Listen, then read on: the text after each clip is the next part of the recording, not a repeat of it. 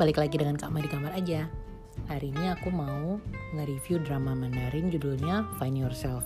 Jadi Find Yourself ini uh, drama yang sebenarnya aku udah uh, beberapa bulan yang lalu sih nonton. Nonton untuk pertama kalinya gitu. Jadi kayak kenal drama ini dan nonton itu sebenarnya beberapa bulan yang lalu pas awal-awal covid lah bulan Meian kayaknya Mei atau Juni lupa deh tapi waktu itu nggak terlalu berkesan pada saat itu.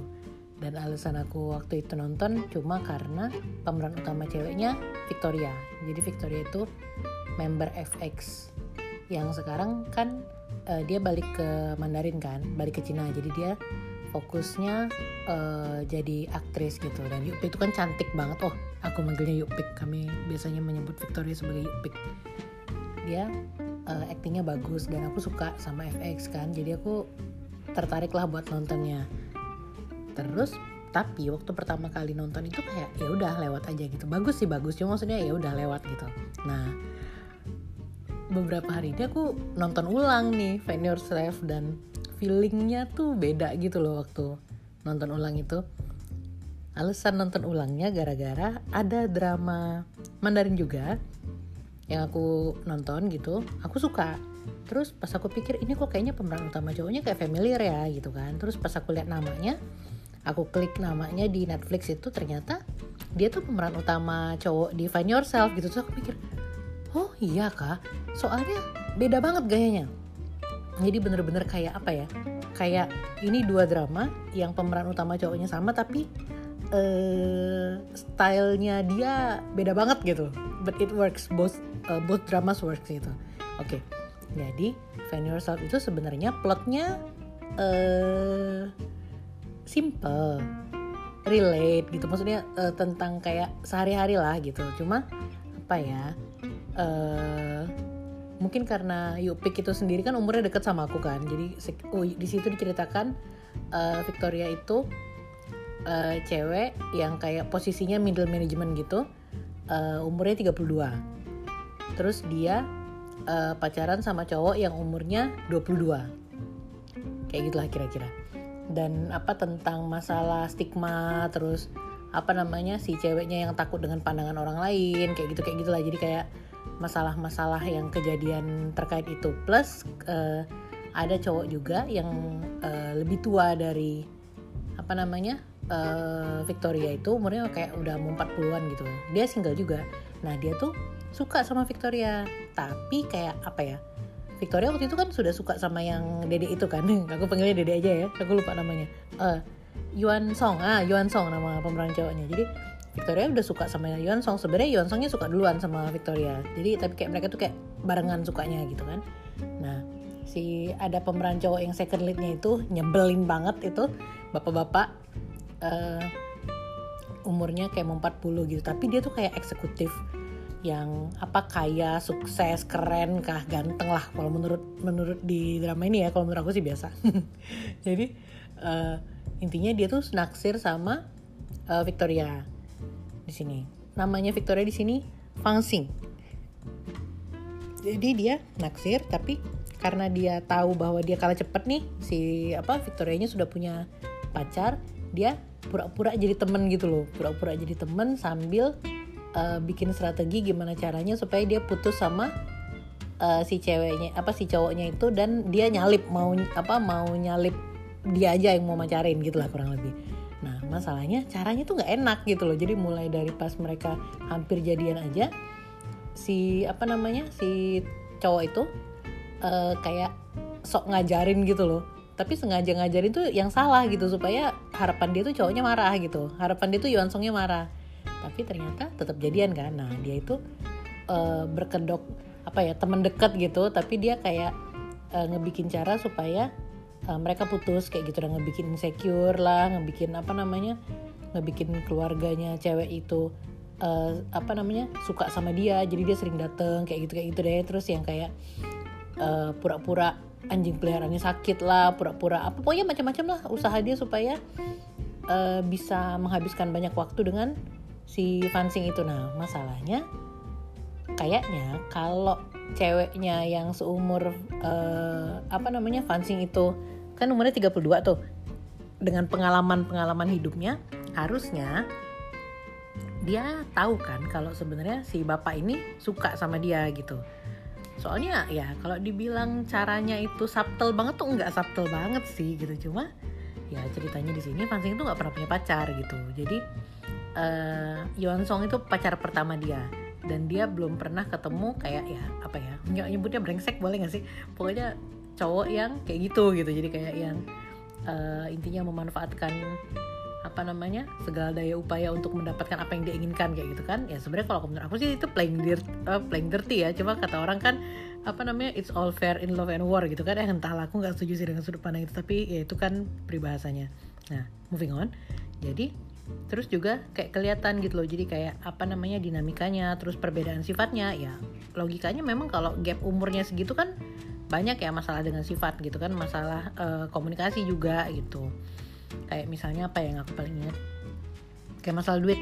Nah jadi si Yuan Song itu kan pengen berlaku seperti pacar pada umumnya kan. Jadi dia kayak ngasih uh, kalung gitu buat Fansing. Cuma masalahnya uh, Fansing kan nih yang tanda tangan slip gajinya Yuan Song nih. Jadi intinya dia tuh bosnya Yuan Song gitu kan. Jadi dia tahu berapa gaji pacarnya gitu. Dan dia mikir uh, ini pacar aku yang umurnya masih 22 yang apa namanya gajinya cuma sekian tapi beliin aku kalung harganya dua kali lipat gaji nih dia uh, apa namanya effort banget gak sih gitu? Maksudnya dia kayak nggak pengen memberatkan niatnya kayak gitu sih pikirannya. Cuma masalahnya pada saat dia uh, yang ceweknya itu apa ngebalikin parahnya dia tuh kayak aduh bego banget sumpah.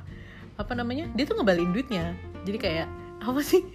Dia intinya tuh maksudnya tuh baik kamu nggak usah uh, apa namanya repot-repot kayak gitu kan. Pelan-pelan aja. Nanti kamu juga pada saat sudah umurnya kayak umur 30-an tuh sudah settle kok. Sudah mampu untuk ngasihin aku macam-macam buat sekarang nggak usah. Maksud dia tuh kayak gitu baik. Cuma ya harga diri cowok lah ya gitu kan. Jadi sebenarnya ada beberapa kali bermasalah karena itu. Jadi kayak beda sudut pandang gitu antara apa namanya Yuan Song yang pengen berusaha provide pengen apa pengen uh, berlaku seperti layaknya pacar dan Fansing yang nggak uh, enakan gitu. Jadi kayak dia ngerasa kayak ini pacar aku ini masih kecil loh gitu. Kayak masih masih mahasiswa loh gitu kan. Jadi dia magang sama aku pula gitu. Jadi jangan apa namanya jangan repot-repot kayak gitu. Tapi ya jadinya agak bermasalah kan. Tapi sebenarnya kalau menurut mah Yuan Song itu cukup toleran kok dengan uh, apa namanya dengan kedodolannya Fansing itu ya. Jadi kayak kalau uh, dia tipe cowok yang super prideful banget. Waktu Fansing datang ke apartemennya untuk ngisiin apa namanya ngisiin kulkasnya terus apa namanya beliin makanan anjingnya segala macam. Itu kan sebenarnya kayak ya gaya mak mama ya. Datang ke rumah anaknya bersihin rumahnya terus ngisiin apa kulkas segala macam gitu kan. Kalau cowok yang terlalu prideful itu bisa tersinggung loh. Cuma uh, Song tuh nggak nganggep itu jelek sama sekali. Dia tahu sifatnya uh, pacarnya kayak gimana dan dia tahu karena latar belakang pekerjaan pacarnya itu kayak orang administrasi jadi memang dia biasa ngurus kayak gitu gitu. Jadi kayak dia ngerasa bahwa dia perlu taking care of uh, apa namanya uh, Yuan Song kayak gitu. Dan dia menerima jadi kayak apa ya uh, iya sebenarnya menurut aku lumayan sih effort dia untuk menerima uh, pacarnya yang umurnya beda tapi apa berusaha untuk ngurusin. Padahal sebenarnya dia sebagai cowok pengen ngurusin ceweknya kayak gitu. Jadi sebenarnya ya yang making effort banget sih yang cowok sih. Yang ceweknya ini kebanyakan mikirin uh, mikirin omongan orang. Jadi kayak oh oh iya aku lupa banget. Mereka itu pacaran tapi pacaran yang orang lain nggak boleh tahu gitu loh. Jadi kan parah banget kan. Jadi kayak uh, jadi mereka sama-sama bilang kalau mereka punya pacar tapi nggak bilang kalau pacarnya siapa gitu. Uh, jadi kan kayak apa ya Yuan Song itu ngerasa kayak kayak nggak dianggap gitu. Jadi kayak oh ya udah nanti apa namanya kalaupun nanti kita putus uh, kita nggak repot maksud kamu itu ya. Terus kayak dia bilang emang dari awal kamu sudah rencana mau putus sama aku kan? Kayak gitu. Jadi kayak ya kayak gitulah. Apa berantem berantem kayak gitu. Jadi uh, si Yuan Songnya itu all in si Fansingnya itu yang kayak takut-takut gitu karena ya aku ngerti sih banyak pertimbangan pasti. Apalagi dengan umur 32 ya emang normal kan kayak apa namanya keluarganya kayak uh, berharap kalau anaknya nikah atau apa. Dan kayaknya mama di, di film ini diceritakan kalau mamanya Fansing tuh bawel gitu loh tipe yang kalau misalnya ada apa-apa kamu ikut ini ya kamu ikut apa namanya kayak blind date ini ya gitu. Ketemu sama anaknya si tante ini ya gitu-gitu deh pokoknya. Mari relate banget dengan kondisi kayak gitu. Uh, jadi kayak oh, Fansing tuh takut gitu. Dan terutama dia juga punya tetangga yang hmm, punya pacar jauh gitu jarak umur 10 tahun terus kayak ditentang sama keluarga besar tetangganya itu. Jadi sampai mamanya tetangganya itu kayak ngancem mau bunuh diri kalau mereka sampai nikah kayak gitulah ya. jadi Fansing tuh takut jadi kayak bener-bener menjaga gimana caranya supaya nggak ketahuan mereka ini pacaran kayak gitu. Nah mereka pacaran rahasia rahasia itu dimanfaatin sama orang yang suka sama Fansing itu. Jadi dia pepet keluarganya pepet segala macam pepet Fansingnya pepet teman-teman kantornya. Jadi sampai si siapa namanya? Si Yuan Song tuh uh, insecure gitu. Dia ngerasa kalau oh cewek aku nih nggak percaya sama aku gitu.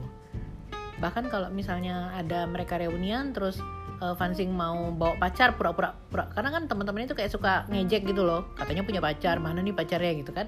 Nah si cowok bapak tua itu tuh apa namanya jadi pacar palsunya. Dan ketahuan sama Yuan Song cemburu lah marah lah dia. Jadi intinya akhirnya mereka di tengah-tengah episode itu putus Hai sebel banget. Aku sebel banget pas bagian mereka putus itu. Jadi kayak mereka tuh putus karena ya kayak gitu. Jadi kayak merasa kalau ya nggak bisa ini. Kayak gitu. Kayak apa namanya?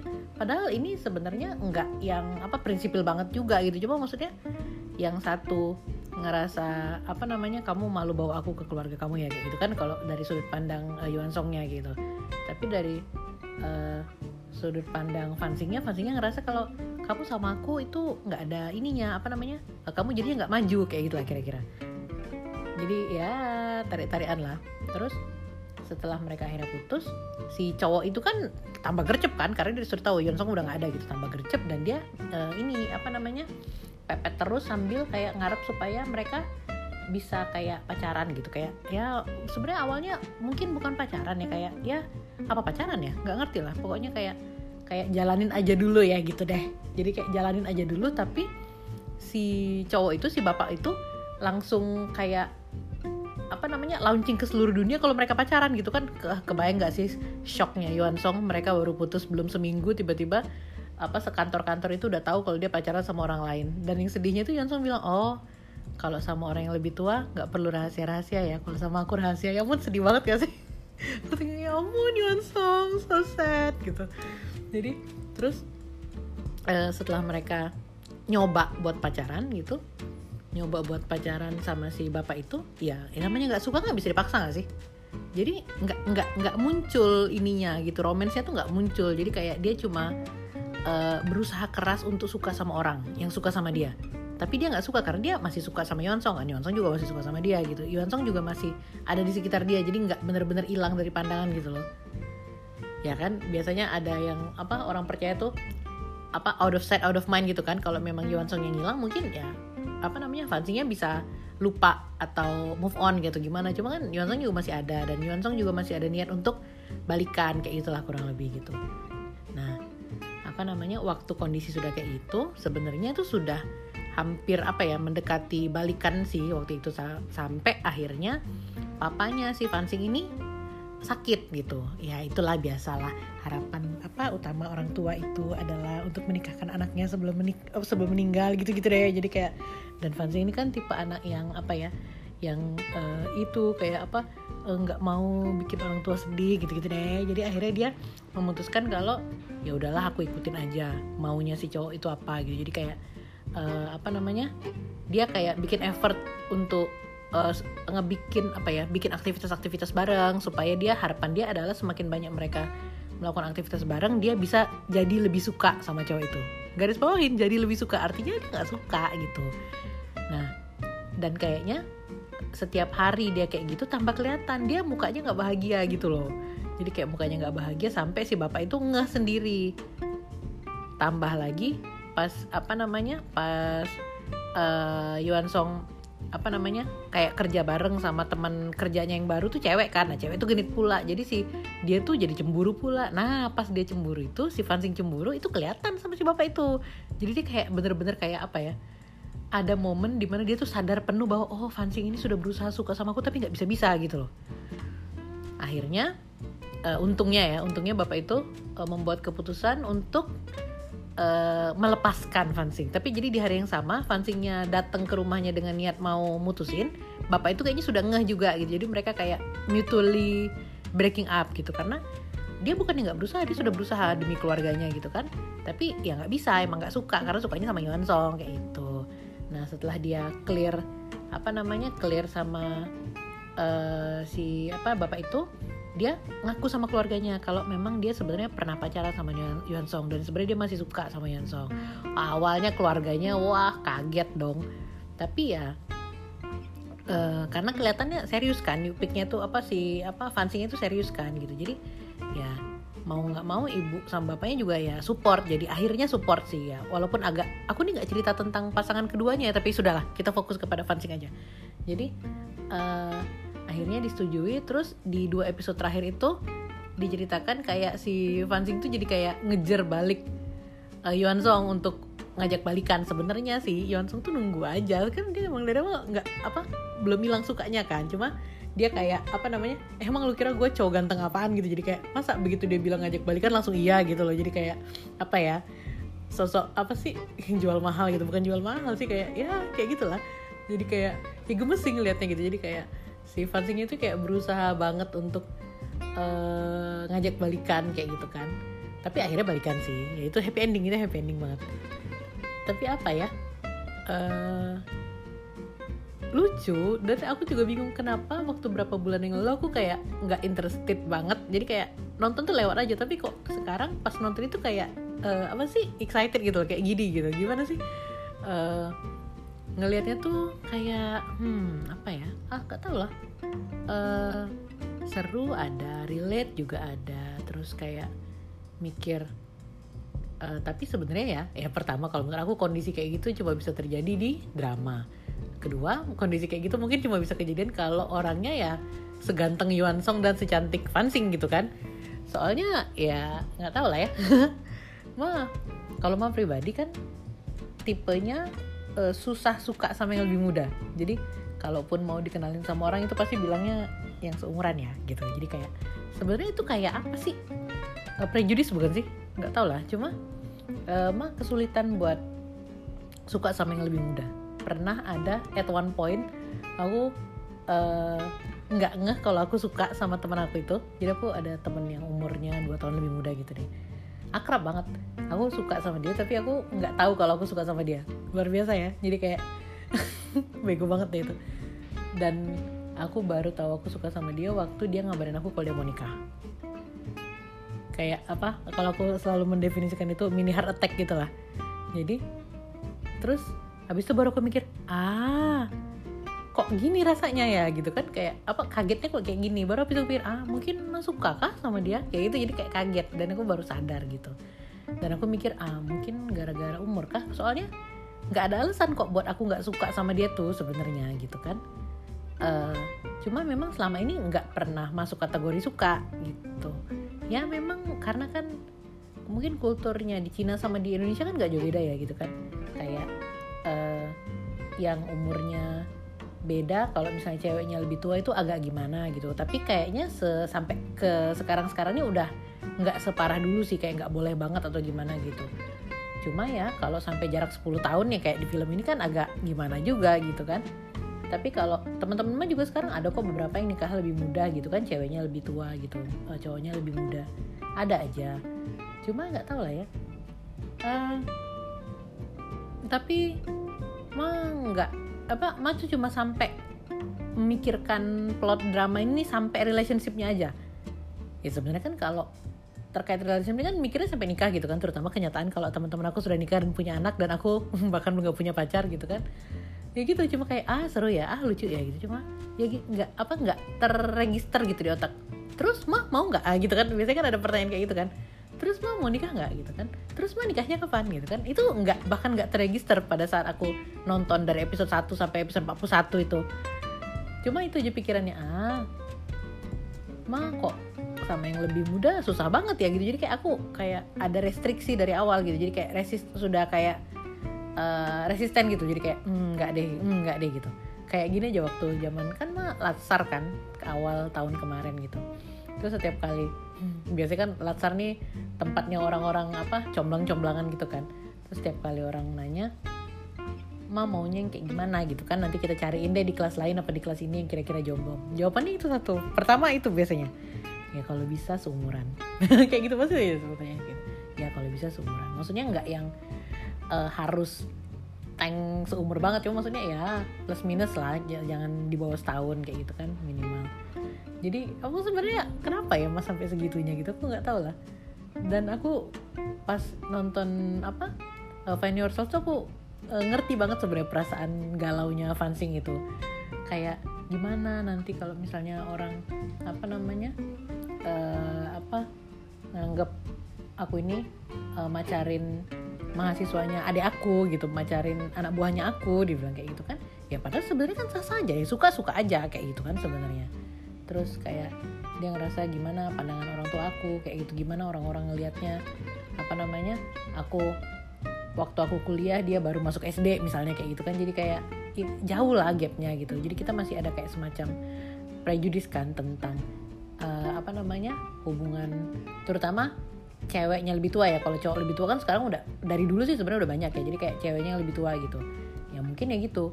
Masalahnya dengan kayak usia biologis gitu kan terus dengan masalah kekhawatiran tentang uh, nanti hamilnya gimana kayak gitu kayak gitulah. Padahal ya sebenarnya kan seperti ya terutama zaman sekarang sih opsi punya anak atau enggak itu nggak jauh beda kan sekarang dengan opsi mau nikah atau enggak gitu. Jadi harusnya ya nggak perlu ada kata-kata kadaluarsa atau uh, apa namanya takut uh, apa namanya basi atau nanti kayak ya perawan tua gitu ya kayak gitu kayak gitulah. Dan sebenarnya harusnya tidak ada masalah kalau misalnya ceweknya lebih tua terus nikah sama cowoknya lebih muda kayak gitu kan atau menjalin hubungan seperti yang di drama itu. Nah aku mikir hmm, oke okay lah. Cuma ya gitu pas aku mikir kayak itu nggak ada kata-kata terus mah mau nikahnya kapan? Atau kayak terus mah eh, kayak gimana? Itu kayak apa ya kayak nggak nggak nggak nggak dibawa dipikir ke sana. Tapi ya emang secara refleks nggak kepikir aja gitu nggak tahu kenapa. Ada Risma Risma gimana ini padahal Barma pernah bilang sama mama yuk kalau memang uh, mau ketemu cowok itu harus dipikirin. Jadi kayak jangan sampai nggak kepikiran sama sekali gitu. Tapi kan aku kebiasaan kalau sudah repot kerja atau lagi seru ngapain apalagi sekarang aku lagi seru saham kan biasanya nggak kepikiran kayak gitu kayak gitu gitu. Jadi ya paling ya mah temennya ada. Maksudnya aku nggak bilang aku punya banyak temen ya temen ada. Cuma maksudnya kayak yang dimasukkan ke kategori dipertimbangkan untuk suka itu tuh ya hampir nggak ada. Like it's been a while. Pernah sekali sih ada dicomblangin dikenalin kayak gitu. Tapi ya udah nggak terfollow up juga. Jadi ya kayak gitulah. Jadi curhat ngomongin diri sendiri nih. Ya sebenarnya aku berharap aku bisa lebih banyak ngomongin tentang diri sendiri sih waktu lagi nge-review apa namanya drama ini. Cuma ya itu surprisingly kayak kok aku detach gitu loh. Padahal sebenarnya itu ini apa ya topiknya tuh aku banget harusnya kan. Jadi kayak uh, masalah dunia kerja terus tentang apa namanya uh, cewek umur 32 tahun belum nikah. Aku 34 ya tapi maksudnya kan nggak jauh beda dari umurnya di si Fansing di drama itu. Terus kayak tentang uh, prejudis yang ada di lingkungan keluarga lingkungan kerja segala macam kayak gitu. Tentang kayak seolah-olah kalau kita nggak punya pasangan tuh kayak gimana. Terus kalau giliran kita punya pasangan nggak sesuai dengan standar di masyarakat kayak gimana gitu kan. Cuma nggak tahu lah jadi terus aku juga sebenarnya penasaran kenapa waktu uh, beberapa bulan lalu aku nggak excited tapi kok sekarang excited gitu. Apa yang berubah? Padahal kan nggak ada yang berubah. Kan mau di kamar-kamar aja nggak ke mana-mana gitu loh. Nggak tahu lah ya. Mungkin juga pengaruh karena aku ngelihat uh, karakter pemeran cowoknya itu uh, artinya tuh bagus banget aktingnya. Awalnya aku pikir uh, apa ya dia kan di sini berperan sesuai umur gitu loh. Jadi kayak cowok umurnya 22 terus yang kayak tipe cowok pinter uh, tinggi ganteng keren yang tahu kalau dia keren gitu loh. Jadi kayak agak ada sombong-sombongnya agak ada apa sih namanya? Agak ada uh, arogan arogannya dikit. Bukan arogan sih mungkin ya dia kayak itu outspoken orangnya agak bandel juga sedikit gitu kan. Terus aku pikir ya mungkin kalau orang sesuai dengan sifatnya ya nggak sulit ya buat dia ngejar apa namanya? Mengejas karakter kayak gitu gitu tapi ternyata setelah aku ngeliat drama dia yang lain itu beda banget gayanya. Jadi kalau di sini dia itu uh, lawan mainnya itu sama uh, Fansing yang umurnya 32 tahun pacarnya gitu kan. Di drama yang satu lagi yang aku nonton itu yang Go Ahead dia ceritanya uh, sama cewek yang di bawah dia umurnya 2 tahun. Tapi mereka kayak sudah kayak family friends dari kecil gitu loh dari kayak SD bareng-bareng. Jadi kayak sampai dianggap kakak beradik. Tapi uh, pas mereka umur apa sih SMP apa SMA gitu uh, si cowoknya tuh udah suka sama dia. Jadi memang tapi itu bukan nggak dihitung apa incest atau apa sih. Cuma karena memang mereka beda keluarga gitu. Cuma karena akrab banget. Dan di situ tuh kelihatan kayak dia yang ngurusin gitu. Dia yang dia yang ngurusin adiknya gitu. Terus uh, apa namanya kalau di sini kan dia yang kayak apa ya yang imaturnya lah, yang childishnya lah, yang ambekannya lah, yang cemburunya lah. Jadi aku pikir, ah bagus dia ini mainnya gitu loh. Jadi kayak aku baru nge. Jadi mungkin uh, salah satu alasan mah juga jadi lebih bisa mengapresiasi drama ini karena aku ngelihat dia di drama lain gitu dan di drama lain dia mainnya bagus. Jadi kayak gimana ya? Bertambah lah apa namanya respect kepada aktor ini gitu. Oke okay lah, oke okay lah dan plotnya oke okay sebenarnya. Jadi itu tuh plot yang simple tapi karena ya deket sama kondisi sehari-hari juga jadi lebih relate gitu. Dan mungkin untuk teman-teman yang pengen nonton drama tapi ini sebenarnya ya 40 episode ini agak draggy sih maksudnya panjang gitu. Cuma sebenarnya kalau mau dibikin ala-ala drama Korea yang cuma 16 episode tuh pun bisa gitu ya kayak gitu lah tapi ya gaya-gaya drama Mandarin ya 41 episode ini sebenarnya kalau dibilang apakah terlalu banyak yang bisa di delete enggak juga. Maksudnya ini ini pas. Karena kan mereka sebenarnya pasangannya nggak satu. Gitu. Tapi ya karena pasangan favorit aku memang cuma mereka jadi aku fokusnya cuma sama mereka. Jadi pasangan yang lain aku skip biasanya. Kurang lebih kayak gitu. Oke plotnya panjang ya plotnya ya. Jadi sekarang lanjut ke pasangan favoritnya tadi seperti yang aku bilang ini sebenarnya pasangannya banyak. Jadi ceritanya Fansing itu kan kayak punya geng gitu loh teman akrab. Jadi dia bertiga sebenarnya uh, teman akrabnya dua-dua ini ada cerita semua side side story gitu loh. Jadi temennya yang cewek ini dua orang yang satu dosen atau guru ya dosen atau guru satu lagi tuh kayak uh, full time mom gitu lah. Jadi yang satu ini pacaran lama tapi nggak nikah nikah karena cowoknya itu kayak mau fokus karir dan dia maunya mereka pacaran aja gitu. Nah temen yang satu lagi tuh yang stay at home mom itu dia anaknya berapa ya? Aku lupa. Dua atau tiga gitu. Terus suaminya selingkuh. Kayak gitulah.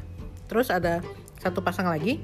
Satu pasang lagi itu adiknya Fansing. Jadi diceritain Fansing itu kembar gitu. Jadi kembar cowok cewek. Nah si kalau Fansing itu cewek yang umur 32 pacaran sama cowok umur 22 kalau si Ce Cian Cian Cian Cian Cian sih namanya? Itulah pokoknya. Si kembarannya Fansing itu dia cowok 32 tahun pacaran sama cewek umur 22 gitu jadi kayak tukeran gitu lah. Jadi mereka emang tipe yang suka dedek-dedek kali ya. I don't know.